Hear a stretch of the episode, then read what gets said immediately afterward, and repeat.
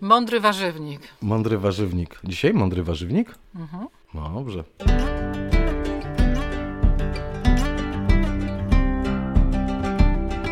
Naturalnie o ogrodach, odcinek 139.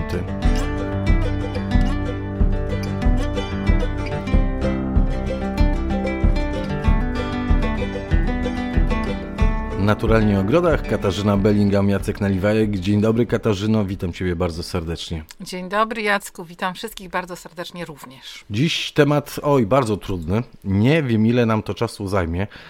Może postaramy się jakoś zmieścić w odpowiednim e, czasie, bo dzisiaj temat niezwykle trudny, bo bardzo często pytacie nas, mm, jak planować warzywnik, jak zaplanować te nasadzenia, nasiewy, co z czym siać, co z czym sadzić, co po czym siać, co po czym sadzić mhm. i żeby mieć jeszcze pełno tego mm, dobra, jakim są warzywa z własnego e, ogrodu.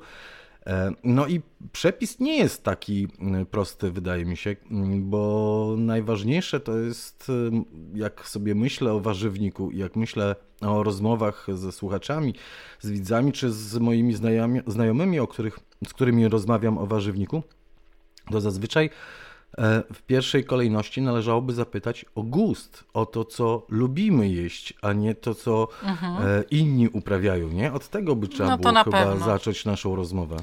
Tak, y, jeżeli chcecie za, zaplanować sobie warzywnik, to na pewno mogę Wam powiedzieć z własnego doświadczenia, że warto odrzucić wszystkie warzywa, które generalnie albo nie znacie, albo nie macie, albo po prostu nie lubicie, albo nie znacie, nie macie ochoty, bo czasami może czegoś nie znacie, macie ochotę uprawiać, ale jeżeli coś Was nie pociąga, albo coś znacie i nie, nie smakuje Wam, to ja bym w ogóle na Waszym miejscu tego nie ruszała, dlatego że szkoda miejsca i szkoda Waszego czasu. To tak jak e, z mm, koprem włoskim którego Katarzyna mm, jakoś nie uprawia, bo nie przepada za nim po prostu. Dokładnie.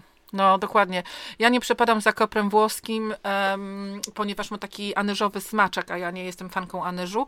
E, wolę, e, wolę ten koper w formie takiej brązowej, e, e, purpurowej na rabatach ozdobnych. I w tym roku mam sporo siewek, które wysiewałam na waciki, już się wam dawno chwaliłam, które już teraz przepikowałam do multiplatów, więc będą te właśnie same, tylko że takie brązowawe rosły sobie um, fenkuły y, na rabatach pomiędzy daliami. Jeśli wybieramy warzywa, jeśli myślimy o tym, żeby warzywa, to w pierwszej kolejności robimy sobie taką listę pomidorów.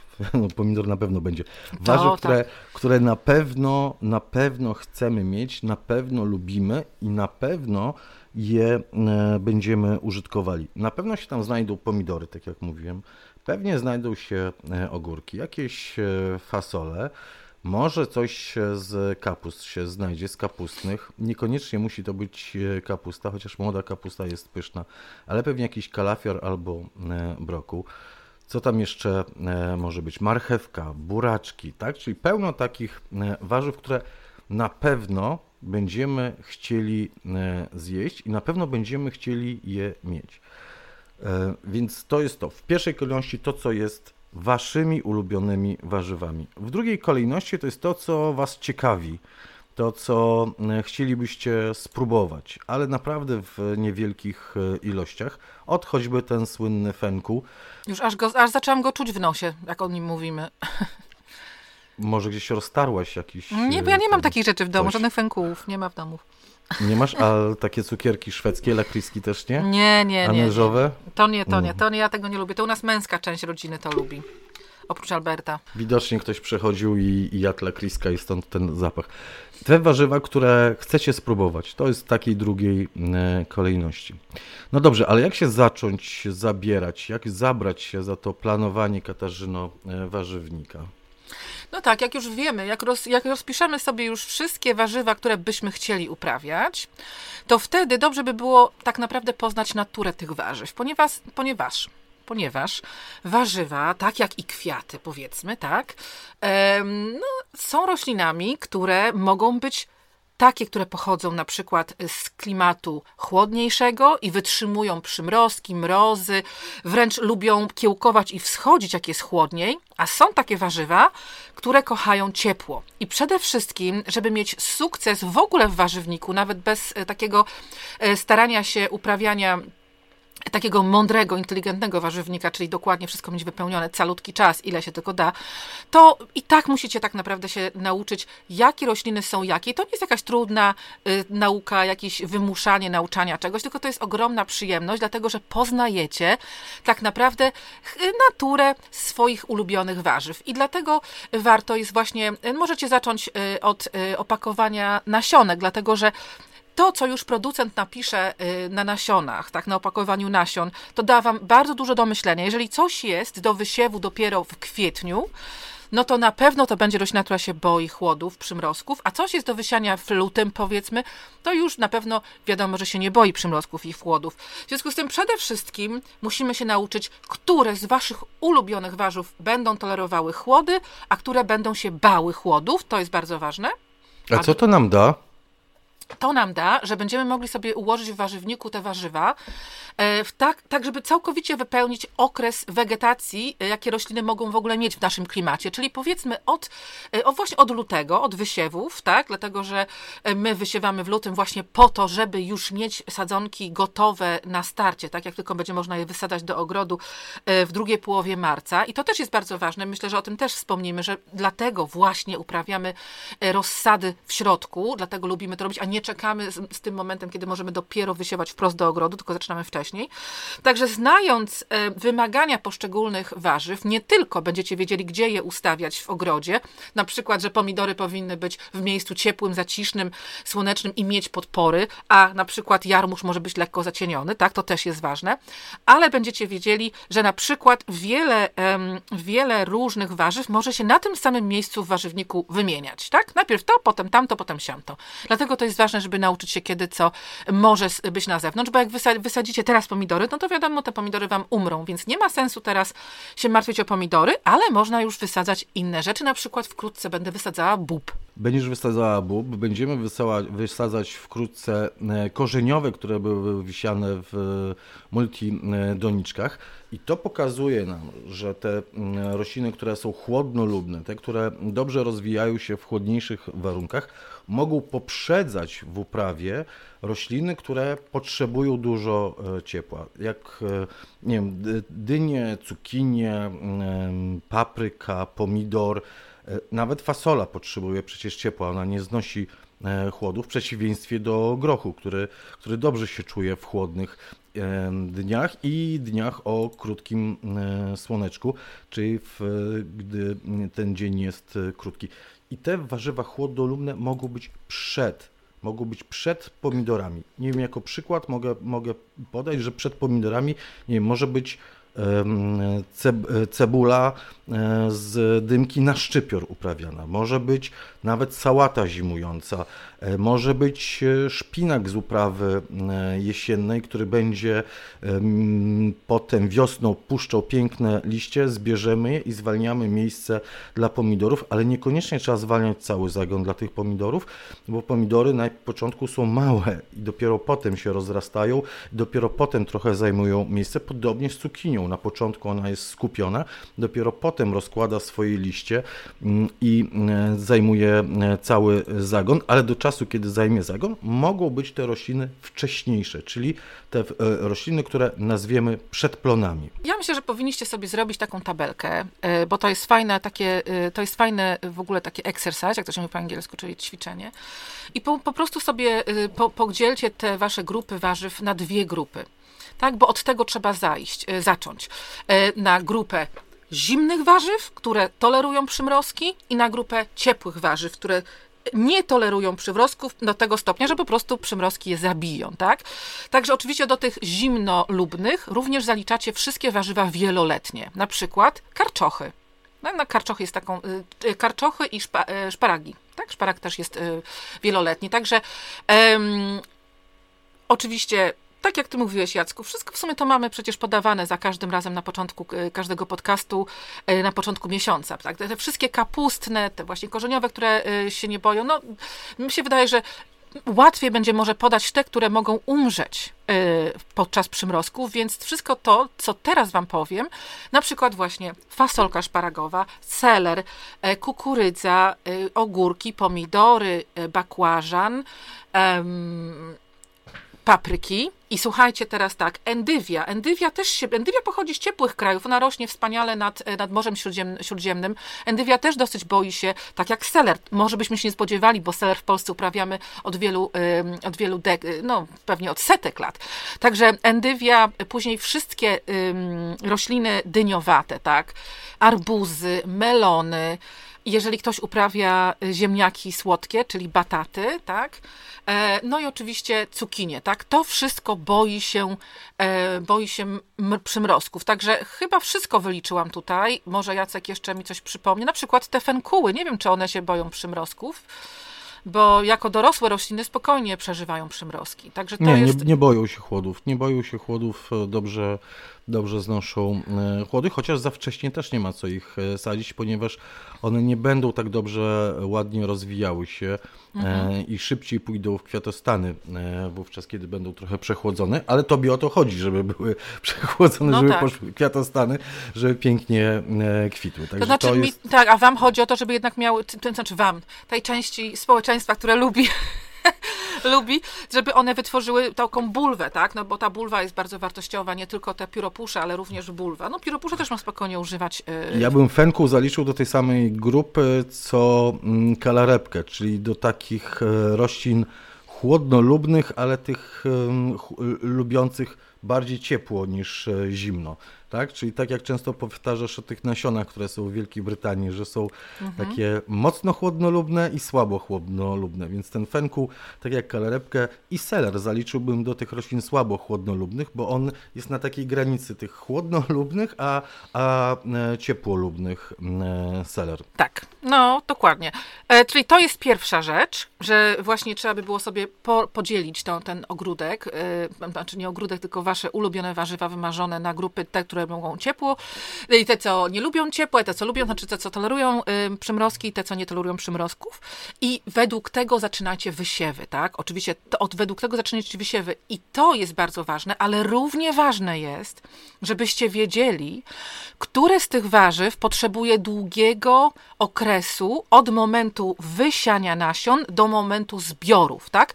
I one się bardzo różnią. I jeżeli będziecie mieli takie, y, taką informację, możecie sobie też to spisać przy, waszych, przy waszej tabelce z ulubionymi warzywami, bo to jest, to, to nie jest jakaś tajemnica, to w internecie możecie spokojnie znaleźć te informacje. A to na opakowaniach bardzo często jest napisane termin siewu, termin pikowania i termin zbioru. E, to są takie trzy terminy, które bardzo często są podawane na opakowaniach nasion. E, często w opisie jest okres też e, wegetacji podany 120, 160. Mhm. Nie wiem, niektóre rośliny mają tam, nie wiem, 30, 60 dni, więc to, to, są, to są takie informacje, które są podawane także na opakowaniach nasion. Tak, mhm. bardzo wartościowe informacje, bo dzięki nich, nim możecie sobie właśnie też um, łatwiej poupychać, że tak powiem, te warzywa na rabatach, bo będziecie wiedzieli na przykład, że o, zanim wysadzę moje y, latem, jeżeli już w czerwcu, tak, no bo zazwyczaj ja też wysiewam zawsze um, dynie, um, na przykład w czerwcu, e, w pierwszej połowie czerwca, dlatego że one po prostu nienawidzą chłodu i potem one rosną tak samo szybko, jak wysiewa się je w maju i one po prostu w maju troszkę dłużej wychodzą. Więc jeżeli ja w czerwcu będę mogła mieć dopiero w czerwcu na rabacie wysadzać sadzonki, wcześniej z rozsad e, dyni, tak, takiej dyni zimowej albo, e, albo nawet cukinii, no to do czerwca ja tam spokojnie mogę mieć, słuchajcie, i po, na początku prawdopodobnie rzodkiewki, dlatego, bo rzodkiewka, dlatego, że rzodkiewka, słuchajcie, ma super krótki okres do, ten dojrzewania, no, od, od 25 do 45 dni, w zależności od odmiany, tak? No to to jest no, 5 minut dosłownie, od 25 do 45 dni, w zależności od odmiany rzodkiewka. Potem możecie do tego miejsca jeszcze wcisnąć, podejrzewam, podrośniętą y, na rozsadach y, w szklarni czy w domu na parapecie sałatę albo jakieś e, mizuny, mibuny, te takie zieleniny orientalną, która potrzebuje około 45 do 85 dni w zależności od, e, od, e, od odmiany znowu. No i zobaczcie, 45 dni to jest no, po, trochę, trochę ponad miesiąc, to jest naprawdę szybko od wysiewu do, do zbioru. No a potem macie takie długaśne, długaśne warzywa, które potrzebują powiedzmy do 120 dni do dojrzania i dojrzenia i to jest brukselka. Dlatego ja brukselkę właśnie będę wysiewać już za chwileczkę, dlatego że brukselka potrzebuje do 120 dni, żeby y, plonować. No i ona potrzebuje tych 120 dni też nie w jakiejś koszmarnej pogodzie, także nie ma co wysiewać jej późno i potem narażać ją na brzydką, na, na upały latem i na chłody jesienią, tylko trzeba już wcześniej. To brukselka to jest jedna z tych takich roślin, która niestety, ale będzie wam zawalała e, warzywnik przez długi okres czasu, ale możecie zawsze ją podsadzić czymś, tak? Właśnie jakimiś takimi um, jakimiś szybkimi plonami, tak? Także o to w dzisiejszym tym podcaście chodzi. Mhm. Ale a propos brukselki, to także powiedzmy, że to nie jest tak, że jak wysiejesz teraz, to za miesiąc będziesz sadzić ją na zagonie. Ona może równie dobrze zaczekać w doniczkach P9 na wolne miejsce, które zwolnią Wam przedplony, które zwolnią Wam e, te wcześniejsze warzywa. To jest właśnie piękne w, w tym wysiewaniu do e, pojemników, że taką brukselkę można najpierw wysiać do tej P9 na gęsto, potem przepikować do wielodoniczek, e, a potem przesadzić jeszcze do doniczek P9, troszeczkę opóźniając, dając im szansę na rozrost korzeni, masy liściowej i dopiero potem, gdy zwolni się miejsce, wsadzić do, na na, na zagon. Ja będę brukselkę po bobie uprawiał, jak zwykle będę po bobie i właśnie będę czekał, aż zbiorę bób, zetnę bób i dopiero wtedy pomiędzy te korzonki bobów będę wciskał e, sadzonki e, brukselki. Dokładnie. Ja myślę, że w tym momencie też warto y, zaznaczyć właśnie, jak fajnie jest mieć i jak to jest ważne, żeby posiadać takie miejsca poza ogrodem, w których będziemy mogli robić te rozsady, bo zobaczcie, cały czas kręcimy się dookoła tego, że wcześniejsza rozsada gotowa, tu, tam, to, siam, to. To nie jest jakieś strasznie trudne. Możecie to spokojnie robić bez y, ogrzewanej szklarni, bez jakichkolwiek ogrzewanych y, mm, powierzchni pod szkłem. Naprawdę. Ja w Anglii w ogóle nie mam podgrzewanej szklarni. Ja tutaj mam troszeczkę cieplejszy klimat oczywiście. No teraz jest na przykład już 10-12 stopni, to jest naprawdę cieplutko i nie ma takich mocnych przymrozków. Są przymrozki, ale nie mocne. Rozumiem, że w Polsce jest troszeczkę inaczej, ale wiem, że nasze, nasze, nasi, nasi słuchacze mieszkają w różnych częściach Europy, świata, więc możecie sobie, sobie to dopasować. Ale to jest, to jest, no, to jest bardzo, bardzo ważne. To jest podstawa. Jeżeli naprawdę chcecie się bawić w wysiewanie, w sadzenie, w zbieranie plonów, e, w przygotowywanie warzywnika, to uważam, że naprawdę warto poświęcić troszeczkę więcej czasu, e, troszkę więcej energii, czy ewentualnie finansów, żeby zapewnić sobie jeszcze miejsce, gdzie będziecie mogli zorganizować wcześniejsze wysiewy. To jest szalenie ważne. Powiedziałeś o tych dniach e, mm, e, uprawy, czyli o tym okresie uprawy, jakie mają warzywa, jak rzodkiewka na przykład 25-45 dni. Jest wiele warzyw, które w polskiej nomenklaturze, jak patrzymy na te nasiona, są to warzywa wczesne, odmiany wczesne i odmiany są nie wiem, średnio późne i późne. I zazwyczaj w Polsce jest tak, że te odmiany późne to są te o najdłuższym okresie wegetacji, o najdłuższym okresie wegetacji, te odmiany wczesne mają krótki okres wegetacji, co nie znaczy, że te odmiany wczesne to tylko można, nie wiem, wysiewać wczesną wiosną, a potem już nie można e, wysiewać. Nie. Mhm. W przypadku jakby nasion, które u nas e, są użytkowane, to, to jest e, jak gdyby określenie długości wegetacji. Najczęściej jest to określenie długości wegetacji. Dlatego warto też, jeśli tym, myślicie o tych ulubionych warzywach, sprawdzać ten okres e, wegetacji i wybierać odmiany, które mają ten krótszy okres wegetacji, bo nic tak nie szkodzi e, ogrodnikowi, e, amatorowi, jak e, jakieś warzywo zajmuje cały zagon od wiosny do jesieni i jeszcze nie daj Bóg w dużej ilości. No tak. Mm, tak, bo to, bo to wtedy jest kłopot. Taka późna kapusta, po co nam późna kapusta? E, do, żeby aż do późnej jesieni, nie wiem, do przechowywania zimowego. Dokładnie. Mhm. Lepiej je uprawiać warzywa które spożywać będziemy na bieżąco. Nie takie, które myślicie, że będziecie przechowywać, bo nie będziecie przechowywać pewnie tych warzyw. Nie będziecie, chyba że macie bardzo duże ogrody i będziecie mogli rzeczywiście mieć takie uprawy, żeby przechowywać te warzywa do bieżącego spożycia. Więc jeśli kapusty, to raczej te o krótkim okresie wegetacji. Dlatego ja sieję na swoim e, zagonie z warzywami korzeniowymi dwa rządki pasternaku, e, a nie e, więcej bo pasternak to jest to warzywo, które z korzeniowych chyba najdłużej zajmuje zagon. Tak. Wysiewa się bardzo wcześnie, zbiera się bardzo późno. I też tak, i też tak naprawdę, słuchajcie, no jeżeli będziecie mieli kilka lat za sobą uprawy tych warzyw, to zobaczycie tak naprawdę ile ich jecie. Na przykład pasternak. Powiem wam szczerze, że no u mnie w domu pasternak zjadamy pewnie no maksymalnie w sumie jeden pasternak na tydzień.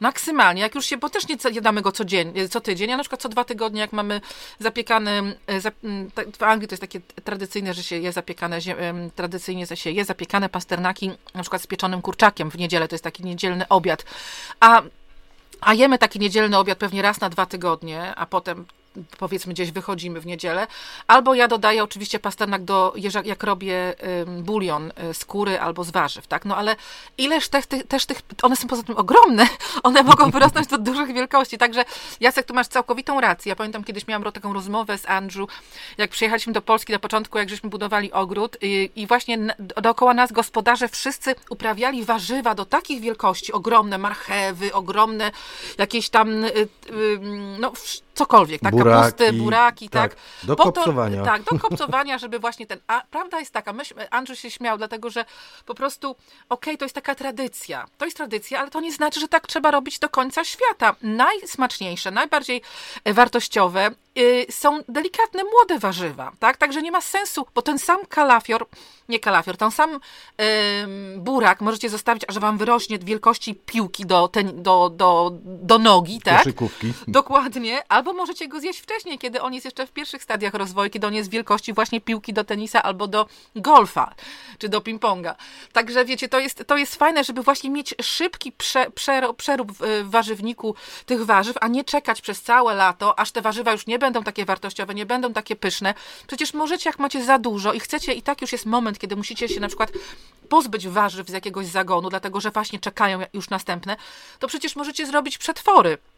I cokolwiek wy zamkniecie latem w słoiku, i odłożycie na półkę do spiżarni czy do, y, czy do szafki, to zawsze później, jak będziecie wyjmować te przetwory zimą, będzie o wiele zdrowsze i wartościowe bardziej niż to, co kupicie w sklepie zimą, tak? Także pamiętajcie o tym, że czas, w dzisiejszych czasach też, jak, a już jak będziecie musieli naprawdę kupić marchewkę zimą, no to pójdziecie do Lidla i sobie kupicie ekologiczną marchewkę i jakoś to będzie, tak? To nie jest, to nie jest tak, że musicie tam przed, prze, przechowywać na w jakichś kopcach. Jeszcze kolejna rzecz, na którą często zwracaliśmy, szczególnie gdy mówiliśmy o warzywach liściowych e, uwagę, to powiedziałeś przy pomidorze, że on musi mieć jasne, ciepłe, osłonięte e, stanowisko i wtedy czuje się e, najlepiej.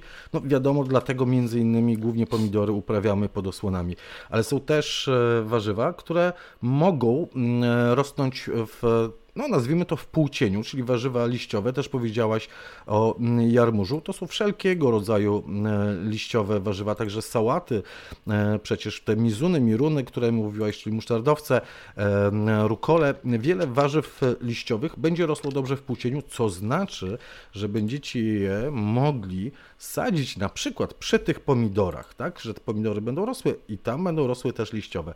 Będą rosły jakieś większe e, warzywa? Mówiłaś o brukselkach i też mówiłaś o podsadzeniu? No właśnie, to pomiędzy brukselkami, bo przecież brukselki sadzi się w dużym odstępie, bo to są takie żarłoczne bardzo kapusty, 45-50 mhm. cm, to jest taki e, rozstaw pomiędzy roślinami brukselki no to szkoda tego miejsca zostawić, tak? No serce się kraje, no bo tu kawałek e, ziemi, to jeśli macie e, mały ogród i nie możecie sobie pozwolić na to, żeby zostawić e, taki rozstaw goły pomiędzy brukselkami, to tam podsadzicie przecież sałaty, sałaty liściowe, które będą urosły, będziecie zbierać liście i macie z jednego poletka wyciśnięte, no sporo wówczas, bo i sałaty, i potem jesienno-zimowe brukselki. Ja myślę, że powinniśmy po powiedzieć jeszcze o o jednej bardziej e, ważnej rzeczy, kolejnej, dlaczego warto jest mieć taki mądry warzywnik, o czym jeszcze nie powiedzieliśmy, ale cały czas wokół tego krążymy. I tutaj teraz, Jacku, mówiłeś właśnie o takiej uprawie współrzędnej,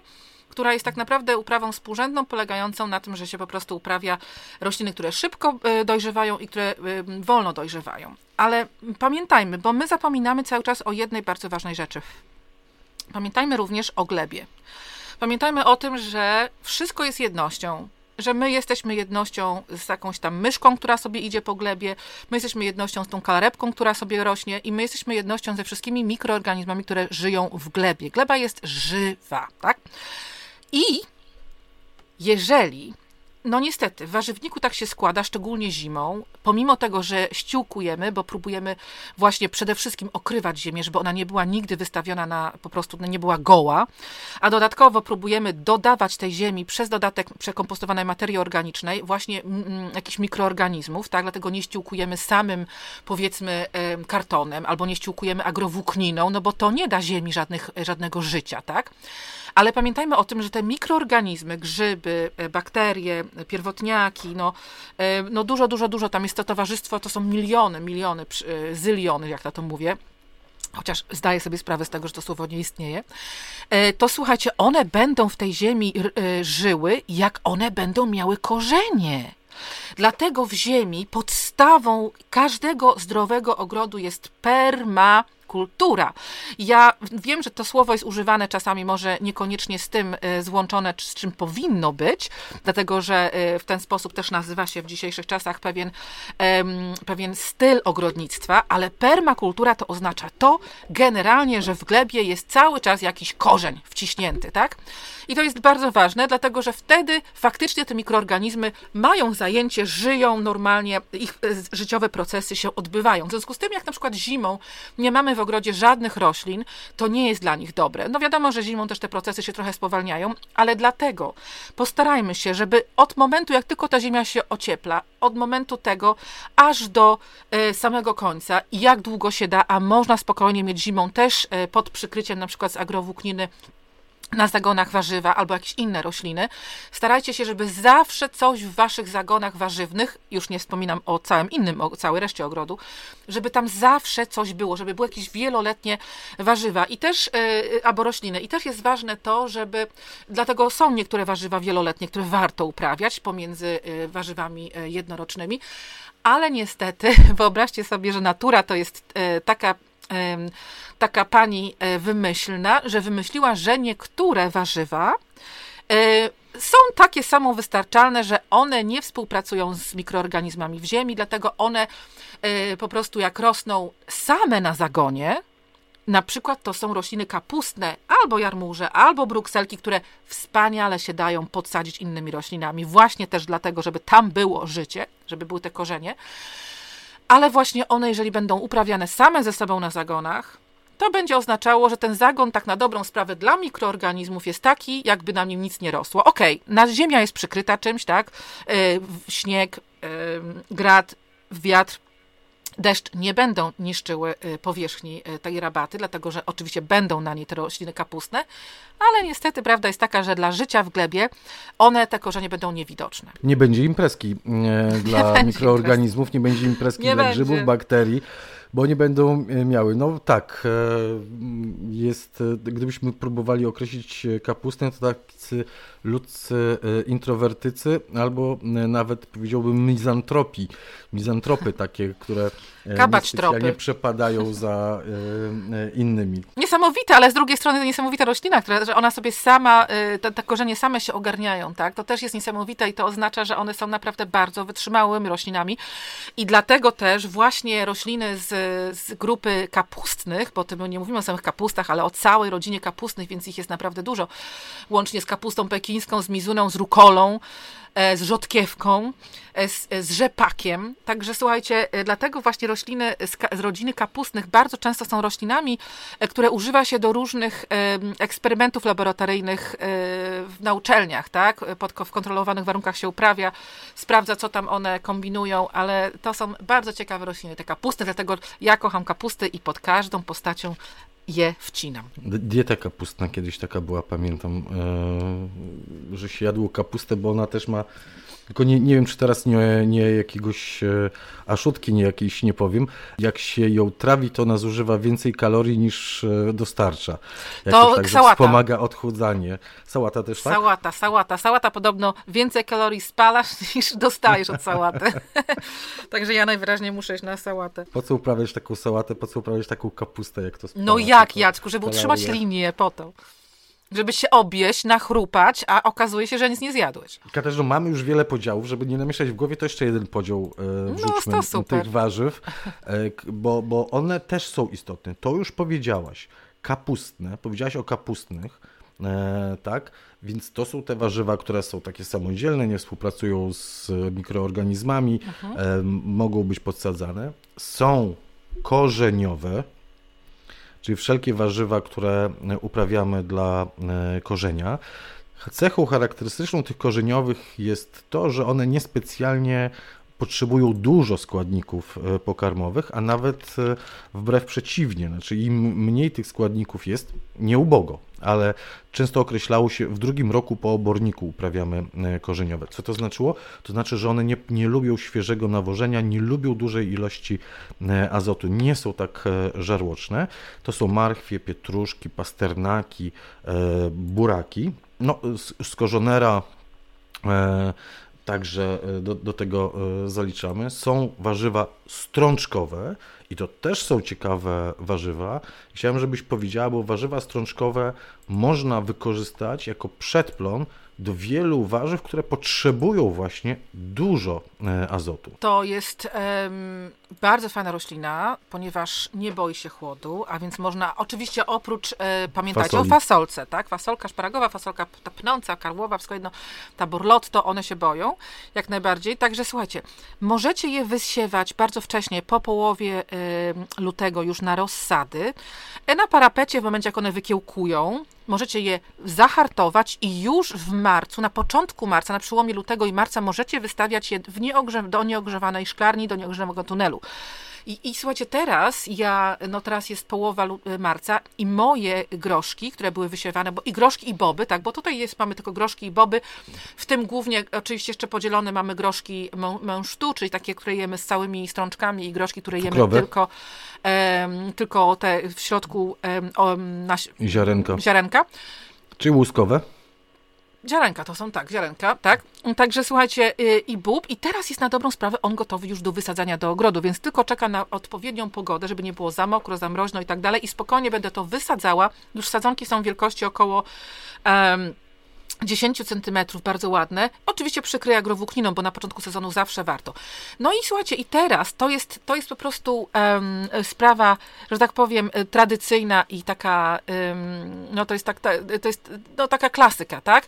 Że po, y, właśnie po tych roślinach y, które wcześniej dojrzeją, dlatego że już wysadza, takie e, na przykład takie groszki ogrodowe mogą, e, mogą, one będą już plonowały w maju, w czerwcu i one na dobrą sprawę mogą już do połowy czerwca zakończyć swoją obecność w warzywniku, tak? Czyli do końca czerwca zbieracie te, y, te y, groszek y, ogrodowy.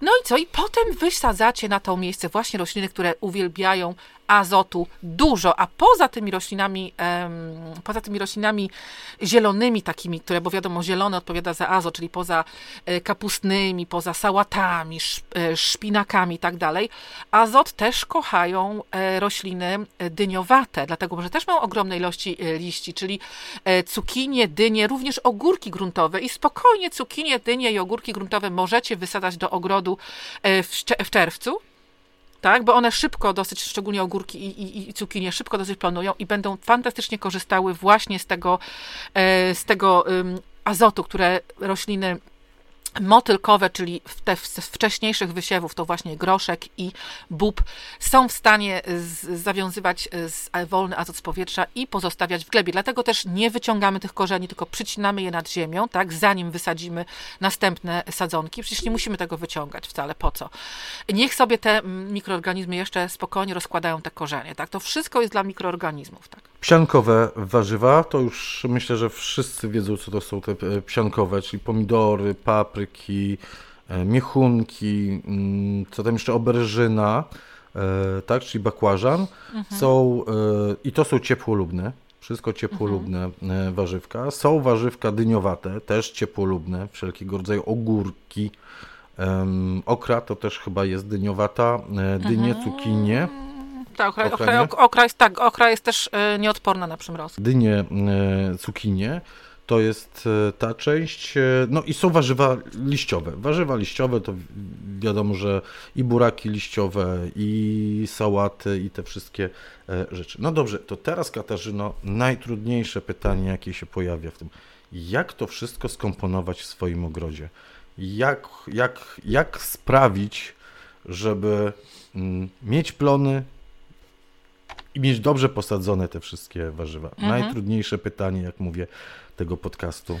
Ja myślę, że po prostu to też wyjdzie z, z, czasem, tak? Na pewno możecie sobie zrobić jakiś, możemy wam podać jakiś przepis na, na kilka grup warzyw, a, a resztę sobie dopasujcie i tak naprawdę to będzie też uzależnione od kształtu waszego warzywnika, od wielkości waszego warzywnika, e, od tego, czy wyjeżdżacie w lipcu na wakacje, czy w sierpniu na wakacje. Wiecie, no to będzie bardzo, bardzo taka rzecz personalna, dlatego możemy wam podać jakieś, e, jakieś kilka przepisów e, i zaraz to mogę zrobić, ale warto by było, żebyście po potem do, całą resztę, y, bo też nie wiem dokładnie, jakie warzywa chcecie uprawiać, dopasowali.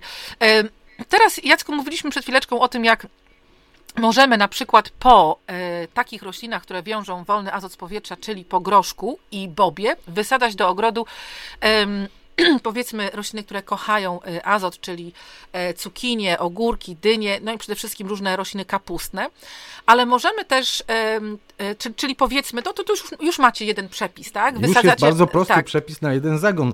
Tak. Nie wiem, połowa zagonu e, obsadzacie bobem, połowę zagonu obsadzacie groszkiem i cukrowym i łuskowym, potem zbieracie ten groszek i bób, ścinacie rośliny do ziemi i w to miejsce późne kapustne, czyli wszelkiego rodzaju, nie wiem, brukselki, jarmuże, w tym czerwcu sadzone e, do gruntu w grę e, wchodzą. Katarzyna tak. E, odważnie mówi cukinie, cukinie również. dynie. Cukinie, znaczy tutaj się skoncentrujemy na cukiniach i na ogórkach, dlatego że mhm. jeżeli posadzicie po groszku i po bobie albo cukinie i cukinie i ogórki, albo um, brukselkę, co tam było, e, jarmuż, jarmuż, bo jarmuż też może być późny, mhm. to, to oznacza, że jeszcze możecie e, pod koniec lata dosiać albo dosadzić, dosadzić to możecie na początku e, jesieni, na przykład we wrześniu, szybkie poplony pomiędzy tymi roślinami, jeżeli to będą jarmuże i brukselki, tak?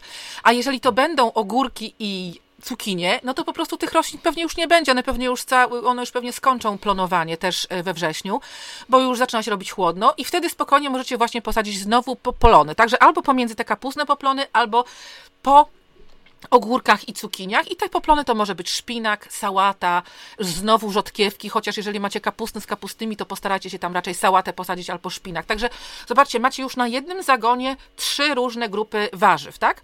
Ale możecie sobie to odwrócić i na przykład kolejną rośliną, którą świetnie się wysiewa i uprawia na początku sezonu, która nie lubi e, ciepła, e, nie lubi rosnąć w cieple specjalnie, to są rzodkiewki, a chyba każdy z nas uwielbia chrupać rzodkiewki. Także można odwrócić tą, tą rolę i posadzić najpierw do ogrodu ogrodu, y, posiać do ogrodu rzodkiewki, tak? Powiedzmy na, na pierwszą część na, sezonu, czyli na, na kwiecień do połowy maja. I te rzodkiewki, czy rośliny kapustne, które lubią azot, zużyją azot i po nich można na przykład posadzić albo posiać y, fasolkę szparagową, tak? Bo fasolkę szparagową będziecie sadzić, y, wysiewać w od drugiej połowie, połowy maja i, i w czerwcu, więc macie po tych takich żarłocznych przychodzą fasolki szparagowe, które mają to gdzieś, że to były żarłoczne kapustne, ponieważ one sobie zaraz skombinują wolny azot z powietrza i same się ogarną.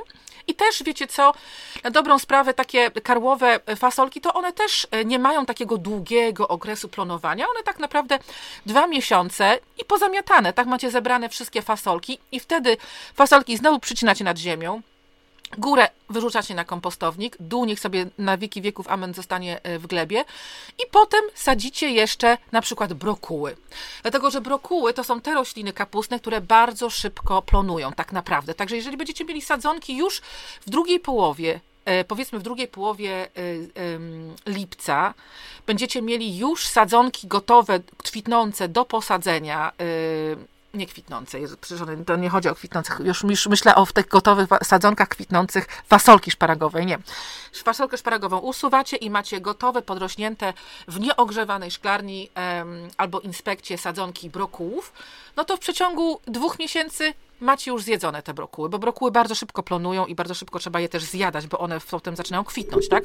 Nie mówimy o brokułach e, tych takich, które siedzą przez cały rok w ziemi. E, gałązkowych. Te gałązkowych, e, tylko mówimy o brokułach kalabryjskich. Także macie znowu już kolejną rabatę, na której możecie używać, u, u, u, albo kawałek rabaty, bo możecie, mać, możecie mieć długą jedną rabatę i możecie sobie podzielić na krótsze odcinki, na której znowu możecie uprawiać trzy różne rzeczy, tak? Zupełnie trzy różne rodzaje. Możecie na przykład uprawiać e, na, na zagonie w pierwszej połowie e, sezonu do lipca i w lipcu zamienić z ziemniaki i w lipcu zamieniacie ziemniaki i wysadzacie późne pory, które wcześniej pod, podrosły też y, na rozsadach. Także y, naprawdę fajnie jest sobie takie, takie, rzeczy, y, takie rzeczy rozplanować w ogrodzie. Także macie już właściwie trzy różne zagony rozplanowane pamiętajcie, że te e, takie, takie um, plony, które dłużej siedzą w ziemi, właśnie przykład ziemniaki lub, um, lub cebula, potem możecie obsadzać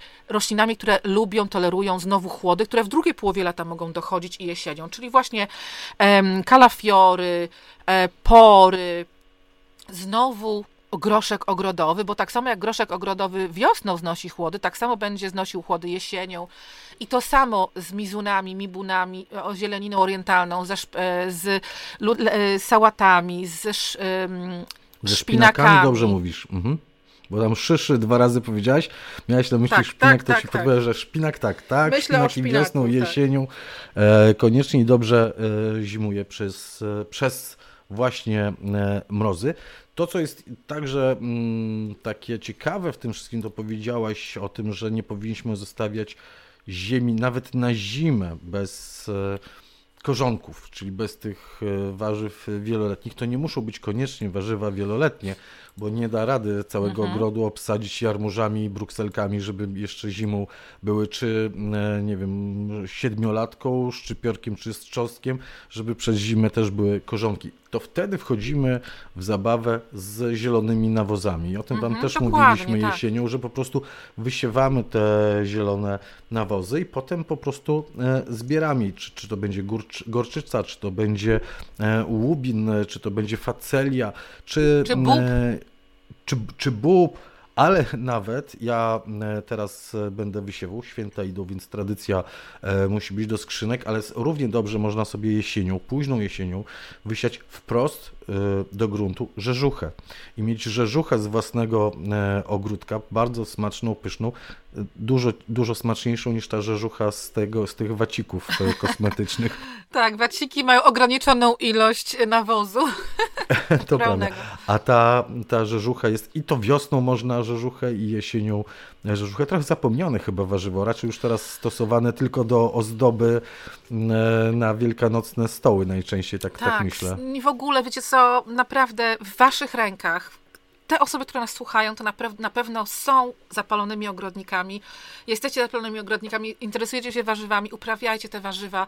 E, no, ja wam powiem na przykładzie mojego syna Alberta. Ja bardzo się staram całe życie go naprawdę karmić wszystkim, co uprawiamy w ogrodzie, ale to, co jest dookoła jego, te wszystkie śmieciowe jedzenia, te wszystkie pomysły innych dzieci e, i firm, które e, płacą za reklamy na to, co dzieci powinny jeść, naprawdę jest ciężko go namówić do zjedzenia takich warzyw, które trzeba pogryźć żeby w ogóle surówkę zjeść taką surową, tak? Albo rzodkiewki, albo właśnie no takie rzeczy. Słuchajcie, no płakać się chce. My jesteśmy przyzwyczajeni, jeszcze moje pokolenie, że że naprawdę te warzywa że wszystkie się, żyło, się, że się, się żyło. Zjadało pomidory, się brało prosto do buzi, się jadło, jadło.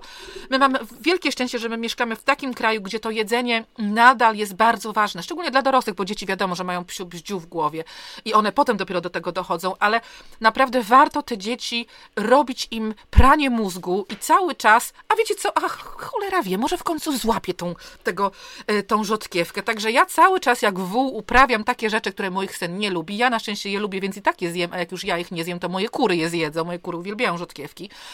Także wiecie, trzeba, my jesteśmy tymi żołnierzami na straży dobrego jedzenia, bo powiem wam tak między nami, ja nic nie chcę mówić, ale ci koledzy mojego syna tutaj, z angielskich rodzin, to naprawdę to wszyscy y, mają, wszyscy, bardzo dużo osób ma problemy z jelitami, z żołądkiem, żołądkiem, bo oni nie jedzą w ogóle warzyw, w ogóle surowych warzyw nie jedzą. To to już w ogóle, w Anglicy żadni, oni tylko muszą mieć warzywa albo na parze, albo gotowane, tak?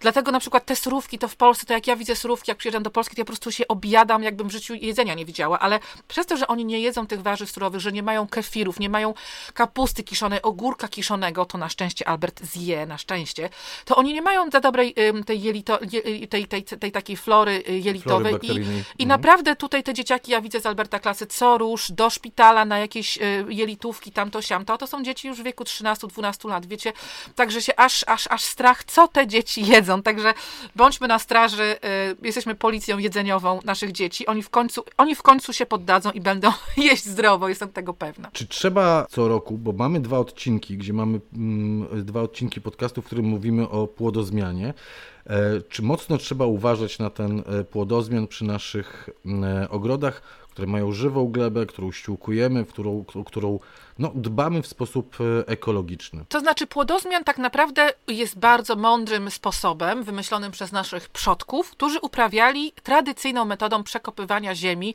swoje y, ogrody od czasu prawdopodobnie, kiedy zaczęli w ogóle. Y, Wypalać puszczę. No, no, no tak. Y, także słuchajcie, generalnie takie jest, są dwie takie ważne rzeczy, jeżeli chodzi o płodozmian. Pierwsza rzecz, dlaczego robimy płodozmian, to dlatego, że faktycznie to, co Jacek przed chwileczką mówiłeś, Jacku mówiłeś, niektóre rośliny świetnie rosną po prostu po innych roślinach. Tak, na przykład rośliny, które kochają azot, świetnie rosną po roślinach, które zbierają ten wolny azot z powietrza i magazynują w swoich korzeniach. Tak, także to jest właściwie podstawa. Nie ma tak aż dużo tych przykładów. To jest najważniejszy, e, najistotniejszy przykład, o którym musicie pamiętać i tak naprawdę jak zastanawiacie się kiedykolwiek, co w ogrodzie, gdzie posadzić, to możecie właśnie, właśnie od tego, od tej zależności wyjść.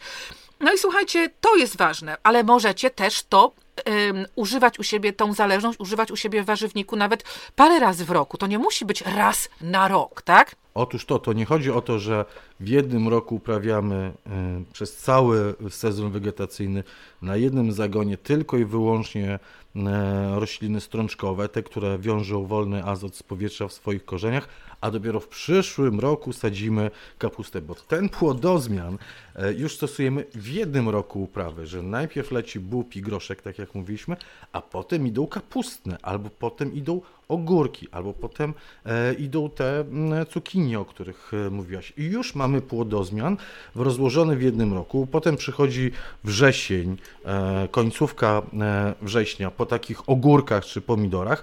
Na początku był bób i groszek, potem były ogórki e, i dynie, przepraszam, nie pomidory, ogórki i dynie i one przecież nie będą do późnej e, jesieni, a jeszcze zdążymy równie dobrze tam E, i jest e, szansa, że się uda na przykład rzepę, czyli wprowadzić albo rzodkiewkę, czyli już idziemy w kierunku kapustnych, tak? I już mamy, zobacz, płodozmian na, na trzy w ciągu jednego sezonu wegetacyjnego. Dokładnie. I jeszcze, to, to, czyli to jest pierwsza rzecz, czy ta, ta zależność, że rośliny na siebie dobrze wpływają z tego względu, że niektóre rośliny karmią inne, ale to głównie ta grupa, o której mówiliśmy. Ale jeszcze, jest jeszcze jedna bardzo ważna rzecz, dlaczego tradycyjnie uprawiało się rośliny według płodozmianu, ponieważ no niestety, nasi przodkowie nie zdawali sobie sprawy, nie chcieli robić tego specjalnie, ale tak było przyjęte i oni przez taką swoją uprawę ziemi, jak na przykład przekopywanie gleby coroczne, o, o orka, bronowanie i tak dalej, bo mówimy tutaj też o, o, większych gospodarstwach, no to sprawiali, że ta ziemia była niestety, ale po prostu no, w gorszej kondycji, tak? Nie była tak zdrowa, nie była tak żywa, a przez to rośliny częściej chorowały. I dlatego y, po, podążano za płodozmianem właśnie, żeby unikać chorób, tak? Także przykład w jednym roku, w jednym miejscu rosną kapustne rośliny, więc ta choroba korzenia kapusty już może tutaj się osiedlić i zadomowić. Więc jeżeli w przyszłym roku kapustę posadzimy na innych zagonach, no to jest wielka szansa, że ta choroba za nami nie podąży, tak? To jest bardzo ważne. O tych chorobach odglebowych. Ym, albo nie tylko od glebowych, ale też e, chorobach, które są związane, no ale o tym zaraz powiemy, o tych chorobach, które są związane na przykład mhm. ze szkodnikami, które przylatują, tak, do rośliny. Mhm, ale mhm. chodzi o te choroby odglebowe właśnie, żeby od nich uciec, żeby przeciąć ten, e, ten, ten, ten ciąg, kiedy gleba i roślina, dana roślina są w tym samym miejscu. Ale jeżeli uprawiacie swoje ogrody w sposób zdrowy dla gleby, jeżeli gleba jest żywa, jeżeli glebę ściółkujecie, jeżeli nie kopiecie przede wszystkim, to nie musicie się tym tak bardzo martwić. Ważniejsze jest dla, zdrowa, dla zdrowia roślin, Poza tym, że i tak trzeba je przykrywać, ja uważam, że i tak trzeba je przykrywać siatką, żeby już w ogóle spać spokojnie. E, no i oczywiście ślimaki to też jest temat zupełnie inny, to jest coś, co też musimy kontrolować sami, ale spokojnie, naturalnie możemy kontrolować bardzo dużo chorób roślin i to nie tylko od, gry, od e, glebowych roślin, jakichś e, chorób jakichś grzybowych, ale też właśnie chorób związanych na przykład, że jakaś muszka przylatuje i składa gdzieś tam nasion, swoje jajeczka u nasady rośliny te, potem te y, larewki niszczą nam korzenie, tutaj na przykład korzenie kapusty, albo też korzenie, właśnie wtedy to już jest gorzej, y, o wiele y, marchewki albo cebuli. Także słuchajcie, o wiele łatwiejszym i lepszym sposobem dla nas na, to, na taką walkę jest właśnie przede wszystkim, tak jak mówię, uprawa ziemi bez bez kopania, ściółkowanie materią organiczną i to, co mówiliśmy na początku dzisiejszego podcastu, bardziej taka uprawa współrzędna, tak? Ale współrzędna to nie znaczy, że hektar marchewki, potem hektar cebuli, tylko na jednym kawałku, na jednej rabacie, wręcz metr na metr, takiej mały, napchajcie jak największą ilość roślin z różnych rodzin, z różnych grup, tak? I wtedy one będą im większa różnorodność to będzie, tym więcej owadów nad ziemią, tak, tych pożytecznych, pod ziemią, tam większa, tym większa będzie ilość mikroorganizmów. I te wszystkie owady nad ziemią, mikroorganizmy w ziemi ogarną takie podstawowe choroby i szkodniki tych naszych warzyw, tak? Ale poza tym też przykrywajcie siatką, zbierajcie ślimaki, używajcie ewentualnie ekologicznych granulek na ślimaki, dlatego że ślimakami nie będę ukrywała, trudno y, zwyciężyć poprzez samo zbieranie. Ekologiczne to dodajmy, bo, bo to te, te które Ekologicznych, tak, tak, fosforan żelaza. Y, tak, fosforan, fosforan żelaza 3, fosforan żelaza. tak. Mhm. Y, I w ten sposób y, nie będziecie mieli w ogóle problemu w życiu z niczym i będziecie mogli odpoczywać, a nie machać łopatą, tak, szpadlem, albo potem siedzieć godzinami i odchwaszczać, albo mieć chore warzywa. O, czyli sama wygrana. I jeszcze dodam, mm, że nawet e, na niewielkich e, warzywnikach, no może nie metr na metr, bo tam to na, e, ciężko dodać coś jeszcze, jak już powiedziałeś, żeby upchnąć tyle Ale dużo można, dużo można. Ba, nie, naprawdę, słuchajcie, bardzo dużo można na niewielkim warzywniku, o ile nie przesadzicie też z ilością, o ile nie przesadzicie z ilością e, tego wysian wysianej marchwi, bo nie potrzebujecie robić zapasów marchwi na zimę, tylko wyrwać e, wczesną e, marchew, e, w, o krótkim okresie wegetacji i jak będzie Wam brakowało marchwi, to po miesiącu dosiejecie kolejną partię marchwi, będziecie mieć w innym miejscu e, marchewkę, więc nie, nie, trzeba e, długo. Ale mi chodzi o coś innego. Chodzi o to, żeby pomimo tego, że mamy nawet niewielkie e, warzywniki, to idąc w kierunku tej bioróżnorodności w ogrodzie, bioróżnorodności na zagonach, mieć zarezerwowane maleńkie nawet miejsce na rośliny ozdobne, które będą także w tym warzywniku, które będą współgrały e, z waszymi e, warzywami. No taki ogród nie powinien się obejść bez, nie, bez aksamitki, bez nasturcji, e, bez ogórecznika, tak? To są te trzy kwiaty, które ja zawsze mam u siebie i nasturcję i ogórecznik i aksamitkę, mhm. nagietek e, lekarski. E, ty bardzo często masz prawie obwódki często u ciebie są w warzywniku z nagietka lekarskiego Nagietka jako właśnie Turcji, tak. Mhm. Mhm. Bardzo pożyteczne rośliny, jak najbardziej, dlatego to warto. Nie...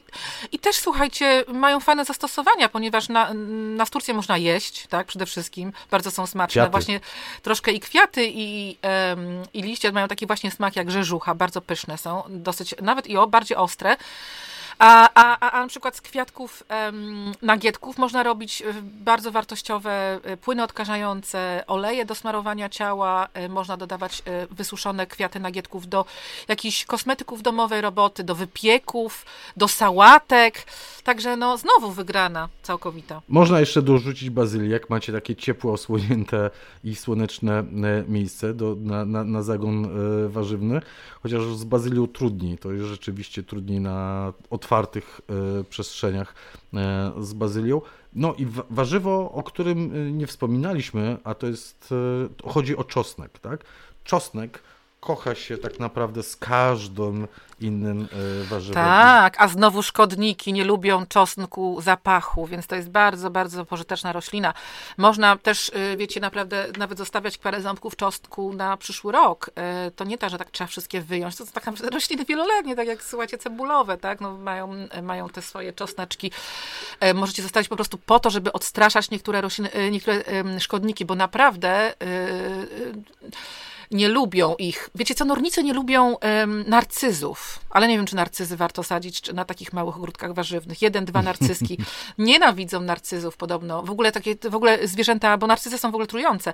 U mnie bardzo śmiesznie w kurniku, powiem wam tak szybciutko anegdotkę, u mnie w kurniku zakwitły narcyzy y, i pierwszy narcyz, który rozkwitł, y, to kury były bardzo zainteresowane i widać po tym narcyzie, że parę tam dziobnęło, ale następnych narcyzów już nie ruszyły. Także y, to jest coś, co można uprawiać bezpiecznie, żadne zwierzaki wam tego nie zjedzą. Także no, temat jest bardzo, bardzo ciekawy dzisiejszego podcastu. Warto to na pewno mm, przesłuchać jeszcze raz, może z ołówkiem y, i z kartką papieru, żeby sobie zapisać niektóre rzeczy.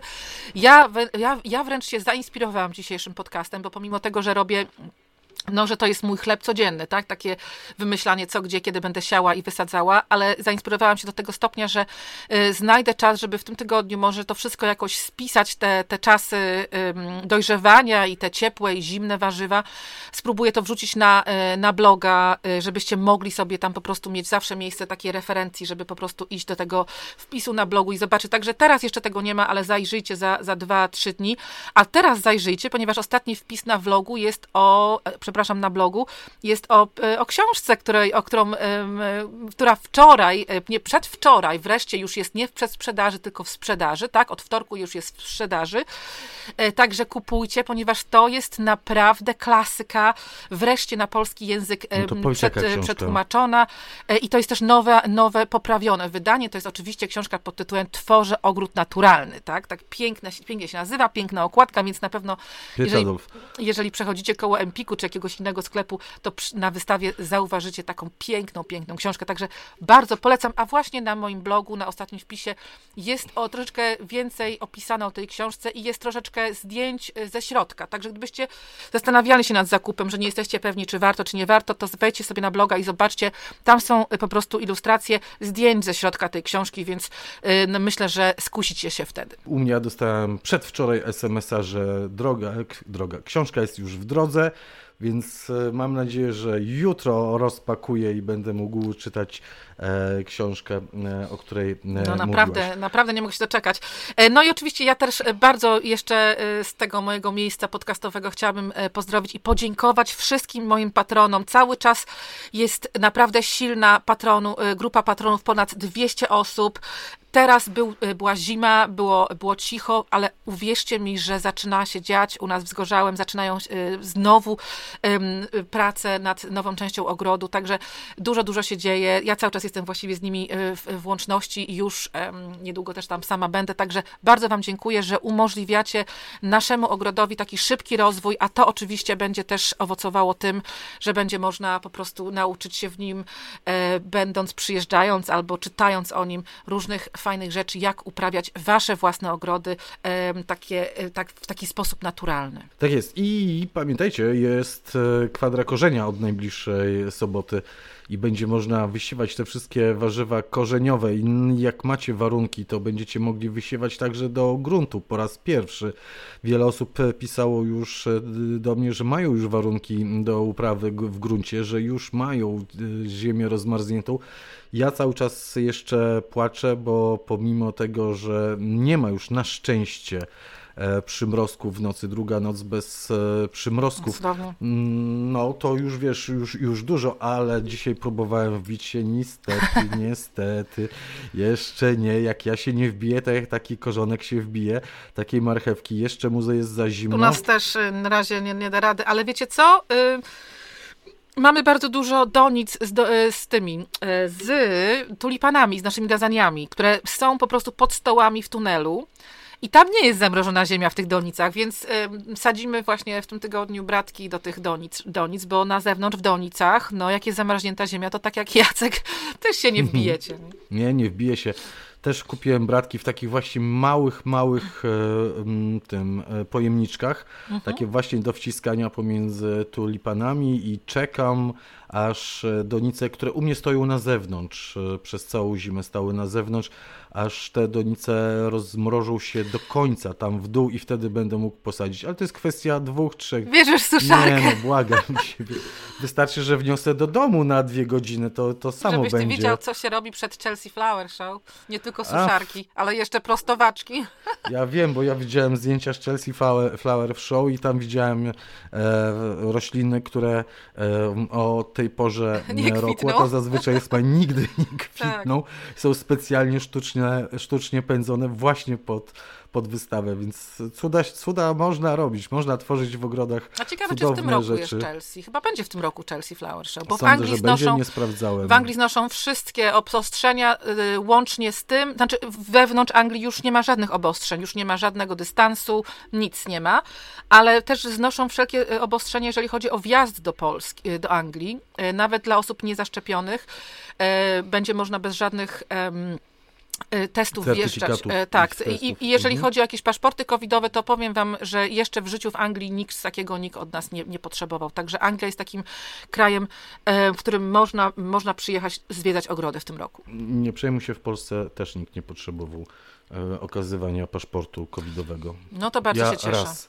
Ja raz. No a we Włoszech to na każdym kroku. Policja prawie, że żandarmeria z karabinami. Na- Jeden z tym, jeden sprawdza paszport, drugi... Dlatego ty jesteś w Wielkiej Brytanii, ja jestem w Polsce i tak dobrze się rozumiemy. Dokładnie. Dziękuję Ci bardzo Katarzyno. Zapraszamy na poniedziałkowego mm, live'a o godzinie 20 na Facebooku. Mhm. Za tydzień kolejny podcast także mm, serdecznie zapraszamy. Zapraszamy, bo mm, na bloga Katarzyny, bo obiecała, że, że wrzuci informacje dotyczące długości wegetacji tych e, warzyw. Więc e, zaglądajcie, zaglądajcie na kanał naturalnie e, o ogrodach na Facebooku i na e, YouTubie. Dziękuję bardzo serdecznie Katarzyno, miłego dnia. Dziękuję bardzo serdecznie. Życzę wam również wszystkim miłego dnia i oczywiście wspomagamy Ukrainę jak tylko się da. Tak jest. Do zobaczenia, do usłyszenia. Pa, pa.